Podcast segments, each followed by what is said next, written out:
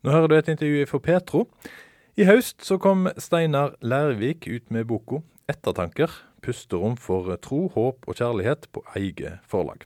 Han har eh, jobba som prest i 29 år. Nå er han eh, sokneprest i Byåsen menighet i Trondheim. Og Steinar Leirvik sin bok 'Ettertanker' den følger kirkeåret sine tekster for søndager og helligdager. Derfor begynner boka med første søndag i advent. Advent er jo ei spesiell tid for mange mennesker, også for meg som både pappa og prest. og Jeg har alltid vært glad i adventstida, for jeg føler at eh, mange mennesker er kanskje mer åpne for eh, både for ettertanke, som, eller ettertanker, da, som boka heter, og også det å lytte til hva vi har å formidle fra kirkas side i denne tida før jul. Og vi er litt mer eh, ja, hudløs på en måte, tror jeg. Eh, følelsene er litt tettere på, og, godt og vondt. For det er jo 70 tekster der jeg har liksom eh, ja, fulgt eh, kirkeåret da, fra første søndag i advent til siste søndag i kirkeåret. Etter første tekstrekke, som det heter. Og det er kanskje ikke utlegging av tekstene i den forstand, men mer en sånn ja, sideblikk da, til enkelte tekster. Du er til daglig sokneprest i Byåsen menighet, og da er vi i eh, Trondheim. og Du har vært prest i 29 år, og så tok du deg et eh, sabbatsår til å jobbe med, med disse tekstene og denne boka her.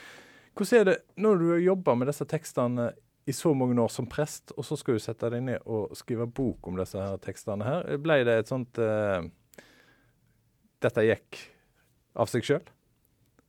Nei, absolutt ikke. Uh, det er noe med det mangfoldet som finnes i Bibelens tekster som eh, traff meg kanskje litt mer nå enn eh, det ofte gjør ellers, der jeg kanskje har litt mindre tid til å fordype meg. Og det hender at jeg sier med et smil at jeg er litt Johannes 3.16-dialog, at jeg kanskje tyr litt til de mest kjære historiene og versene i Bibelen. Og nå føler jeg at jeg kanskje har eh, fått med meg litt mer av mangfoldet og bredden i bibelmaterialet, og det er jo Eh, jeg syns jo vi har verdens beste budskap som kirke, og utfordringa er å få det ut. Jeg får av og til tilbakemeldinger for det snakker sånn at folk forstår når jeg formidler Guds ord. og Det syns jeg er en hyggelig attest å få. det, og Det gjør det jo meningsfullt og blir jo litt eh, ydmyk og takknemlig hvis en klarer å nå inn. da. I et intervju med Vårt Land så, så, skriver du at dette ikke er teologisk utgreiing av tekstene, men et skråblikk. Altså, hva, hva, mener du med et skråblikk på uh, preiketekstene på søndagen? Nei, det er jo litt sånn at uh, jeg kanskje aldri har hatt den høyeste sjøltilliten på um, teologisk kompetanse. Jeg um, syns det var meningsfullt å være student, men uh, det var ikke bra for sjøltilliten. Den kom nok mer på plass når jeg begynte å jobbe.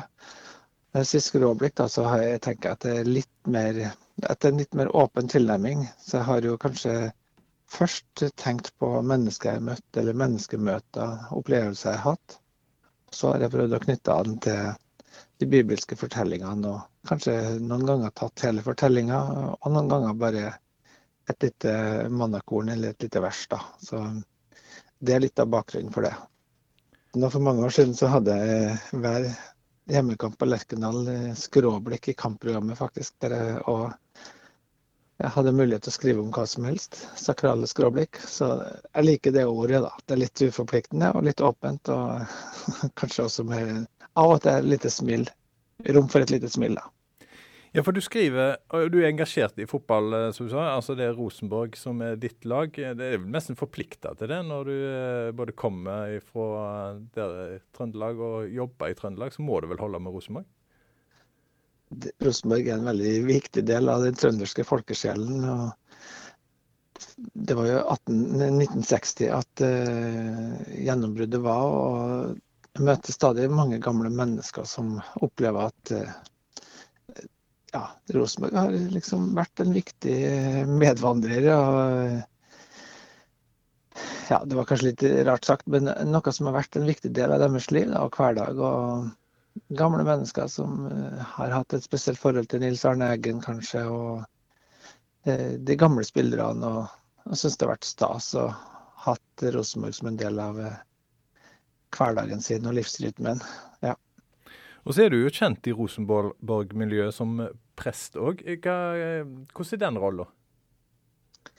Det er jo litt sånn uformelt, ja da. Men uh, det har jo hendt at er uh, Eller ganske ofte egentlig at jeg kanskje har hatt to begravelser på en dag, og så har jeg hatt en halvtime fri imellom. Da har jeg av og til kjørt innom Lerkendal og sett litt på trening eller prata litt med folk. og den tida Nils Arne var eh, på plass på brakka, så kunne jeg jo risikere å få en overhøvling òg, når han så at jeg stilte i rundsnipp og han var presten. da. For han eh, hadde jo meninger om alt. Så ble vi litt venner etter hvert. og Han var jo tydelig på det, at han følte jeg var klubben sin prest. Og det var også meningsfullt og fint å kunne være prest da vi tok avskjed med han i januar. da. Eh, han ble gravlagt fra Orkdal kirke. Men tilbake til boka di. altså du har jo jobba som prest i 29 år, og, og du har jo jobba med disse her eh, bibeltekstene som en har på søndag, som, som preika på en måte bygger på. Og så skal du skrive bok om disse tekstene her. Eh, hvem ser du for deg når du eh, skriver en sånn bok? Er det den samme som menigheten?